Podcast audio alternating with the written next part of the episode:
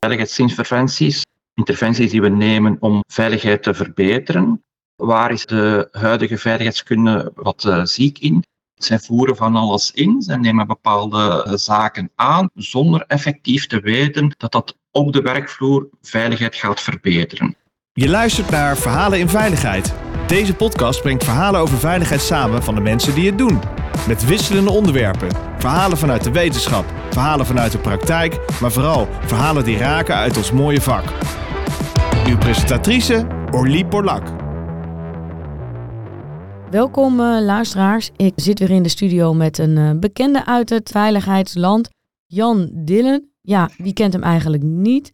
En voor wie hem toch niet kent, zal ik zijn bio hier even kort samenvatten. We hebben natuurlijk een paar feitjes die leuk zijn om te noemen voor de luisteraar. Dat ze een beetje context hebben over wie jij bent. Nou, je bent voor, uh, namelijk volgens mij een auditor, een lead auditor. Je bent VCA-coördinator. Je bent auteur op het gebied van veiligheidscultuur en kwaliteit, veiligheid en milieu. Afgestudeerd in bedrijfskunde, bouwkunde en preventie aan diverse universiteiten.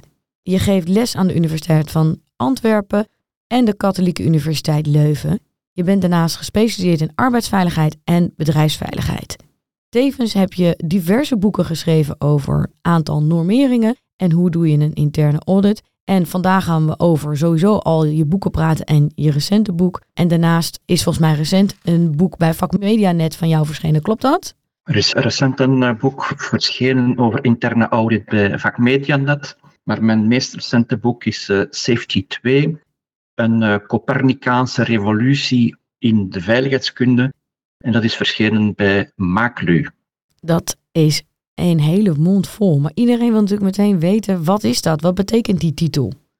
Ja, we moeten natuurlijk de zaken een beetje in uh, context plaatsen. Hè. Het is een, een, beetje een overdreven titel. Uh, sommige mensen verwijten mij dat ik denk dat ik Copernicus ben.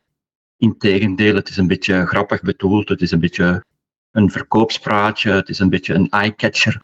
Maar niemand van de luisteraars moet natuurlijk denken dat ik mezelf op dezelfde hoogte stel van Copernicus. Integendeel zelfs, ik uh, wil heel bescheiden zijn en uh, ook op gebied van veiligheid en veiligheidskunde wil ik me eerder bescheiden opstellen. Maar de titel is natuurlijk een beetje trigger om het boek te kopen en het boek te lezen.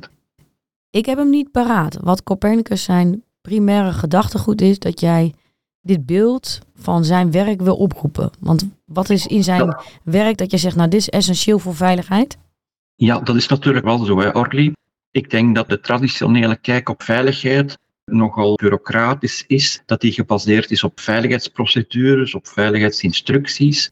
En ik denk dat die traditionele kijk op veiligheid dat die niet meer aangepast is in onze moderne organisaties in onze moderne maatschappij. Ik geef als voorbeeld werknemers. Het is op dit moment een probleem om nieuwe werknemers te vinden. Als je die werknemers dan gaat eh, demotiveren met hun handje vast te houden en hun in een strak keurslijf te zetten, dan gaan die mensen snel lopen. En ik denk dat mensen op het gebied van veiligheid dat toch niet echt goed doorhebben. Die gaan dus een veiligheidsprocedure opmaken, de one way best of executen. Het mag dus alleen volgens de procedure gebeuren. Ik denk dat dat niet meer kan in deze maatschappij. Alles verandert razendsnel. Dat ten eerste, mensen willen niet meer dat er constant hun handje wordt vastgehouden. En vooral ook, er is niet één manier om iets uit te voeren, maar er zijn verschillende manieren om iets uit te voeren. En er zijn ook verschillende manieren om iets veilig uit te voeren. Geef die mensen wat vrijheid geef die wat vertrouwen, ga ervan uit dat ze het op een veilige manier kunnen en zullen uitvoeren. Maar dat is in feite toch wel een nieuwe visie op veiligheid, die een beetje haak staat op die traditionele kijk.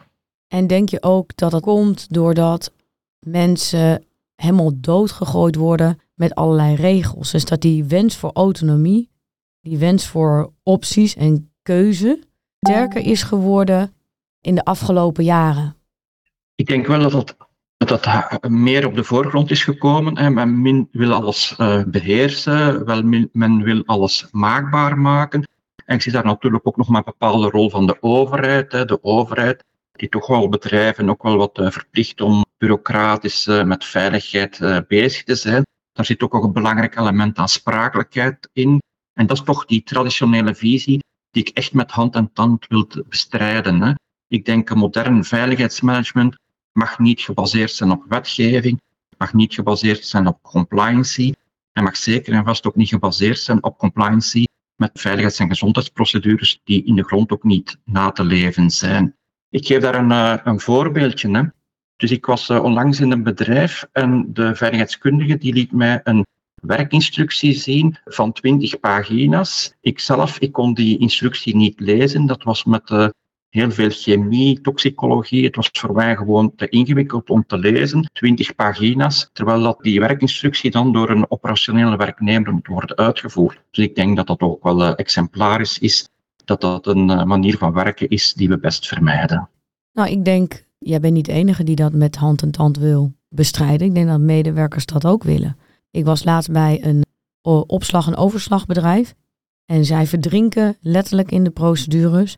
Als ze een werkvergunning hebben, zitten daar soms vier procedures aan gekoppeld. Elke procedure is 80 pagina's lezen. We hebben gewoon een rekensommetje gemaakt. Hoeveel uur het lezen zou zijn om al die procedures goed te lezen voordat je je werkvergunning daadwerkelijk begrijpt. En het gevolg is bij hun dat heel veel medewerkers het werk niet afkrijgen omdat er maar ruimte is voor maar vier werkprocedures of werkvergunningen per dag. Dat ze eigenlijk het niet willen lezen en hun eigen dingen maar gaan verzinnen. En dat iedereen dus nu eigenlijk uit een soort wanhoop staat of heel weinig werk verzet of het aan de kant zet. Ik geef u een ander voorbeeld dat daarop aansluit, Orly. Dus in de chemie en in de Belgische chemie heb je dus ploegbazen, werfleiders die heel competent zijn, die heel bekwaam zijn en die in feite toezicht moeten uitoefenen op hun ploeg. Wat moeten die mensen doen? Morgens gaan die hun werk wat regelen, volgen die de werken op, voeren die een toezicht uit. En in de namiddag, heel de namiddag, zijn die dus bezig met papieren invullen. Hè? Met werkvergunningen aanvragen die dan nog tot niks dienen. Hè? Die werkvergunning is papier voor het papier. Dan moeten ze dat gaan aanvragen in een vergunningskot. Dan wordt die vergunning afgeleverd. Maar die vergunning die wordt zelfs niet meer besproken ter plaatse met de werknemers. Dat is toch echt wel een eh, papieren tijger waar we dringend eens over moeten nadenken of dat, dat nodig is en nuttig is. Ik denk dat al vele jaren dat die vergunningen voor de vergunningen, dat we daar af moeten, dat we dat alleen moeten doen voor echt heel risicovolle taken. Denk bijvoorbeeld het betreden van een besloten ruimte, om een voorbeeld te geven. Maar die vergunningen, dat is voor mij in 99% van de gevallen zinloos. En wat vind ik dan enorm jammer? Dat enkele jaren geleden de wetgever, in België dan tenminste, een bepaalde vergunning, namelijk de vergunning de vuurvergunning heeft wettelijk verplicht gemaakt. Dan denk ik, met wat zijn we bezig? Een zinloos systeem via de wet invoeren, laat ons daar toch uh, echt mee stoppen. En ik denk dat in plaats van stoppen, dat het erger wordt. Ik denk dat overheid continu sleutelt aan die uh, arbelwetgeving, in ieder geval in Nederland. Daar continu ook nieuwe regels en nieuwe afspraken aan toevoegt. Bijvoorbeeld sociale veiligheid wordt daar nu aan, aan toegevoegd. En ik hoorde ook dat er in uh, cybersecurity land ook een nieuwe wetgeving is aangenomen, die veel strikter is dan de eerste wetgeving. Zie jij dat overheden eigenlijk een steeds sterkere grip op burgers en ondernemingen wil hebben? Ja en nee. Ik zie dat langs de ene kant wel de voorbeelden die u geeft, geven een veel grotere controle van de overheid op ondernemingen en individuele werknemers. Maar ik zie dat langs de andere kant in theorie niet. Hè. Denk aan de doelstellingenreglementering. Dat op basis van de risicoanalyse de bedrijven zelf hun preventiemaatregelen kunnen bepalen. Dus in feite een vorm van deregulering. Maar wat is het resultaat? Dat in die doelstellingenreglementering in plaats van minder bureaucratie juist meer bureaucratie geeft omdat bedrijven zeggen, oké, we kunnen ons zelf ons veiligheidsmanagement inrichten, we gaan dat nog dichttimmeren, we gaan dat nog dichttimmeren, we gaan hier nog aandacht aan besteden. En oei, wat als dat gaat gebeuren, dan gaan we ook nog een procedure of een instructie tegenover moeten zetten. Dus in feite het systeem van doelstellingen en reglementering, wat fundamenteel wel oké was. We gaan de maatregelen aanpassen aan de risico's. We gaan eh, in feite een deregulering doen, een debureaucratisering van safety ook. Heeft in feite als resultaat gehad dat in plaats van minder bureaucratie juist meer bureaucratie gaf. Dat is natuurlijk ook wel een uh, jammerlijke zaak. Een soort regelreflex. Voor een stuk ook, inderdaad. De risicoregelreflex is van toepassing en ik denk ook de aansprakelijkheid, dat het management bang heeft om aansprakelijk te worden gesteld, dat dat aanleiding geeft tot de overdreven bureaucratie. Iedereen kent ook wel die, die gekke video's die je moet zien naar alle landen corruptie of gelijkheid man-vrouw. Ik denk me dan dikwijls af, heeft dat nog zin? En men kan aantonen dat je dat video ook hebt gezien. Dat zit, het is ook niet meer als dat. En op het gebied van veiligheid zien we dat ook. En mijn vraag is altijd, maakt dat veiligheid beter? Ik denk eh, dat in vele gevallen dat niet het geval is. Ik geef als voorbeeld, of het voorbeeld dat ik heb gegeven van die ploegbaas die namiddag papieren moet invullen. Het zou veel beter zijn voor veiligheid als die op de arbeidsplaats toezicht hield op de uitvoering. En als de luisteraar nu denkt, ik wil met je meevechten. Ik word helemaal gek van al die papierwerken, die papieren veiligheid, die weinig in hun ogen of uh, in jouw ogen bijdraagt aan daadwerkelijk het werk veiliger krijgen. Als je dan hier tegen wil vechten, tegen ontregelde veiligheid. Niet ontregelde zorg, maar ontregelde veiligheid. Wat zouden we kunnen doen? In feite een heel eenvoudige vraag is stellen aan de operationele werknemers of aan die ploegbaas. Welk document vind jij nu zinloos? Welk document moet er nu echt invullen voor niks? Ik denk dat op het gebied van veiligheid heel veel documenten gaan zijn. En dan is dikwijls ook een excuus, ja, maar de opdrachtgever vraagt dat. Ik spreek toch ook af en toe met opdrachtgevers, of ik spreek af en toe met de inspectie. Dikwijls vragen zij daar niet achter. Dat is iets dat gegroeid is, dat tien jaar geleden begonnen is, en waar men in feite de moed mist om daarmee te stoppen. Ik denk dat op gebied van veiligheid dikwijls het geval is. Het is veel gemakkelijker om een procedure of een instructie erbij te voegen, maar een wegnemen, dat is veel moeilijker. Dus één ding, vraag een keer aan die uh, operationele werknemers wat is nuttig en wat is niet nuttig. En dan is natuurlijk een bepaalde psychologische veiligheid nodig. Want het is natuurlijk moeilijk om tegen een preventieadviseur of veiligheidskundige te zeggen dat en dat en dat, dat document is niet nuttig. Dan gaat hij zich wat aangevallen voelen. En dat is toch ook iets wat ik regelmatig ervaar. Als ik een berichtje post op LinkedIn of zo van meneer, kijk daar een keer kritisch naar, stel dat een keer in vraag. Dat wordt snel zeer agressief op gereageerd. Van nee, en dat is wel nuttig en we moeten dat wel blijven doen. Ik heb niet gezegd dat al die documenten weg moeten. Ik heb gewoon gezegd, kijk die documenten een keer na. Kijk of ze nuttig zijn. Denk na of dat ze de veiligheid op de arbeidsplaats verbeteren. Ja, moet u ze zeker behouden? Nee, zou ik ze onmiddellijk afschaffen. Is dit eigenlijk niet gewoon een mentale valkuil in veiligheid? Is dat we stiekem de overtuiging hebben in de beroepsgroep, misschien wel in de beroepsgroep van de opleiding veiligheidskundige, dat al die wetgeving, regels en procedures daadwerkelijk een kausaal verband hebben met het veiliger krijgen buiten. En dat het moeilijk is om die overtuiging een beetje los te laten of bij te schaven. Absoluut. Dus dat mentaal model, dat maakt deel uit van, of voor groot deel deel uit van de beroepsgroep. En die beroepsgroep die denkt het volgende. We maken een veiligheidsprocedure op. Die veiligheids- en gezondheidsprocedure wordt nageleefd en dat staat gelijk met veilig werken. En dat mentaal model wil ik in vraag stellen. Waarom? Omdat er heel veel redenen zijn om aan te nemen dat dat fout is. En als ik u zei, een veiligheidsprocedure in een constant veranderde omgeving, dat bestaat niet. Voor als opgemaakt is, is die procedure al verouderd, is er al een nieuwe machine, is er al een nieuw risico aanwezig. Dat ten eerste. Maar ten tweede, het is niet omdat die procedure of instructie er is, dat ze ook wordt nageleefd. Er zijn verschillende gevallen mogelijk waarom dat het werk zelfs niet mogelijk is om uit te voeren volgens de procedure. En als u sprak van een bedrijf waar dat er tientallen, honderden procedures zijn, die elkaar dan nog eens tegenspreken. Dus het is absoluut zo dat dat mentaal model van we maken een procedure op en we controleren, dus compliancy, we controleren of dat die procedure wordt nageleefd, dat dat in feite een mentaal model is dat niet overeenkomt met de werkelijkheid. En dan spreken we natuurlijk ook over safety 2. Safety 2 gaat kijken hoe gebeurt het in werkelijkheid? Hoe gebeurt het op de werkvloer? Hoe gaat die werknemer ermee om? En wat gaat men dan zien? Men gaat zien dat het in werkelijkheid anders gebeurt dan dat het in de procedure is beschreven. En dat noemt men dan in Safety 2 het verschil tussen work as imagined, zoals we denken dat het gebeurt, zoals in die procedure staat, en work as done, zoals het op de werkvloer daadwerkelijk wordt uitgevoerd door die operationele werknemer. En dat is een belangrijk principe in Safety 2. En ik denk dat dat ook een zeer belangrijke taak is voor de veiligheidskunde. Verlaat dat obsoleet of verouderd model van procedures en controleren dat die procedure wordt nageleefd. Vergeet dat uh, mentaal model. Ga over tot een iets modernere aanpak. Zoek het verschil op hoe dat het op de werkvloer gebeurt en hoe dat u als preventieadviseur in werkelijkheid denkt dat het gebeurt. Want ik kan u zeggen dat daarin inderdaad wel een groot verschil is. En dit is dan nog een begin, want ik denk heel vaak dat veiligheidskundigen enorm gebaat zouden zijn bij wat onderzoekstechnieken vanuit de sociologie.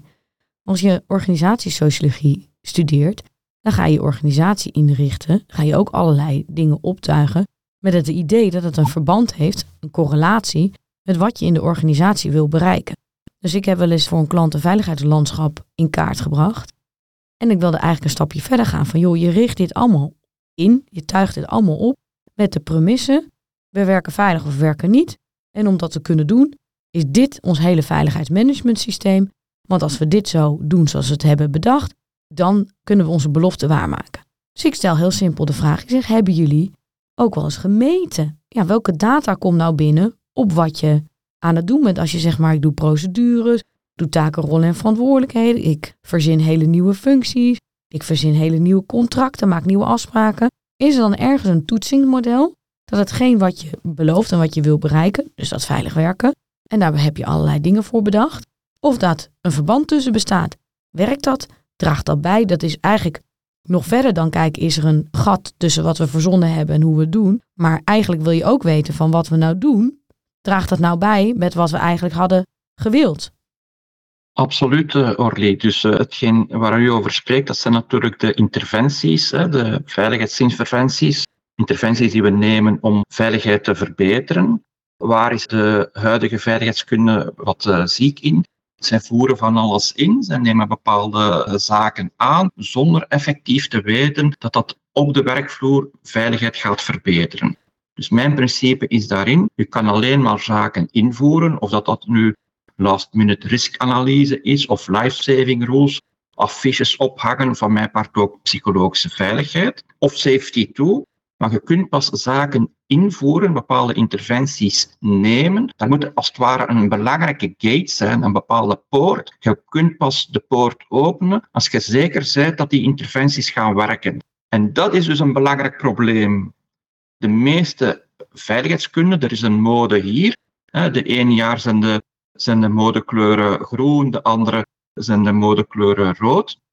Ze waaien mee met de wind van allerhande consultants, allerhande zaken die op en af komen. En ze voeren dat snel in en twee, drie jaar later is het vergeten. Nee, er moet een bepaalde poort komen hè, en we gaan enkel die interventies invoeren waar we toch met een grote mate van zekerheid weten dat die een positief effect zullen hebben op veiligheid. En dat gaat op eh, heel veel zaken en dat gaat ook bijvoorbeeld bij opleidingen en trainingen en, en noem maar op. Alleen die zaken waar er een minimale zekerheid is dat het resultaat op de arbeidsvloer de veiligheid zal verbeteren. Ik denk dat dat een belangrijk principe is om die bureaucratisering in de veiligheidskunde voor een stuk tegen te gaan.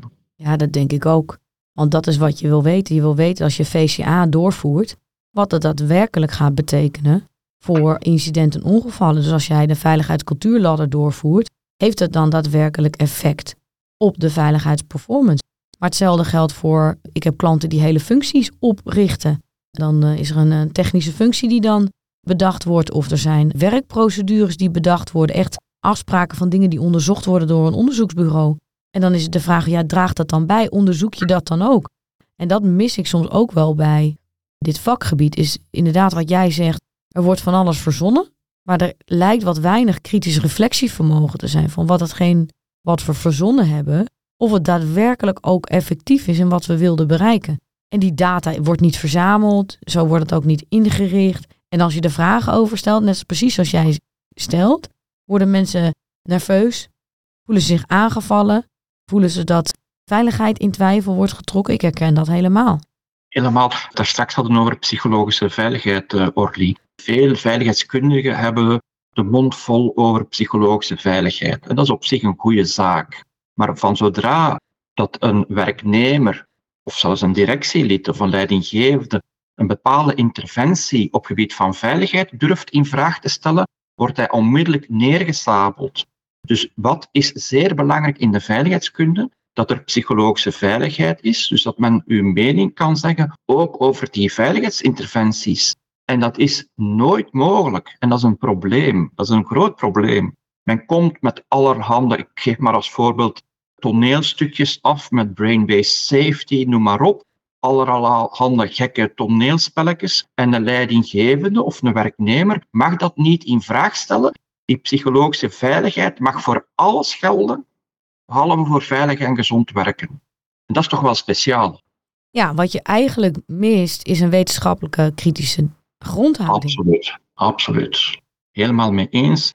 Men moet als beveiligheidskundige kritisch kijken naar zijn eigen beroepsuitoefening. En je mocht dat ook vragen van een directielid. Ik was onlangs in de raad van bestuur. Daar waren zes directieleden. Achteraf, of de record, komt daar één directielid tegen mij zeggen: Jan, die interventie, dat is echt zinloos, dat is flauwekul, dat is, ja, dat is pseudowetenschap. Ik weet dat, al mijn ondergeschikten weten dat, maar ik durf dat niet vertellen. Ik moet dat doorslikken. Ik kom in een ander bedrijf, juist hetzelfde. Daar wordt van de moedermaatschappij uit Amerika bepaalde zaken door de strot van de organisatie geduwd. En van de zes directieleden zeggen er drie tegen mij: Jan, wij zijn daar echt tegen. We vinden dat niet oké. Dat is niet aangepast aan onze Europese cultuur, maar we gaan moeten slikken. Ik heb andere battles to fight. Ik ga niet daartegen gaan, want ik weet dat ik op voorhand dat toch nooit ga kunnen winnen, dat gevecht. Dat is toch wel die psychologische veiligheid die daar ontbreekt, is toch echt wel een jammerlijke zaak. En dat gaat nefast werken op hetgeen u zegt. Dus uh, die interventies, werken die? Zijn die nuttig? Die kritische academische kijk op die interventies is cruciaal voor een modern veiligheidsbeleid. En dan uh, wil ik je toch nog even een laatste vraag stellen. Vind je dat ons onderwijs hierin tekort schiet? Want ik weet niet hoe het in België georganiseerd is, de educatie omtrent veiligheid. Maar in Nederland is het voornamelijk een HBO-studie. Ik dacht dat onze academische studie accreditatie kwijt was. Hoe kijk jij daar tegenaan?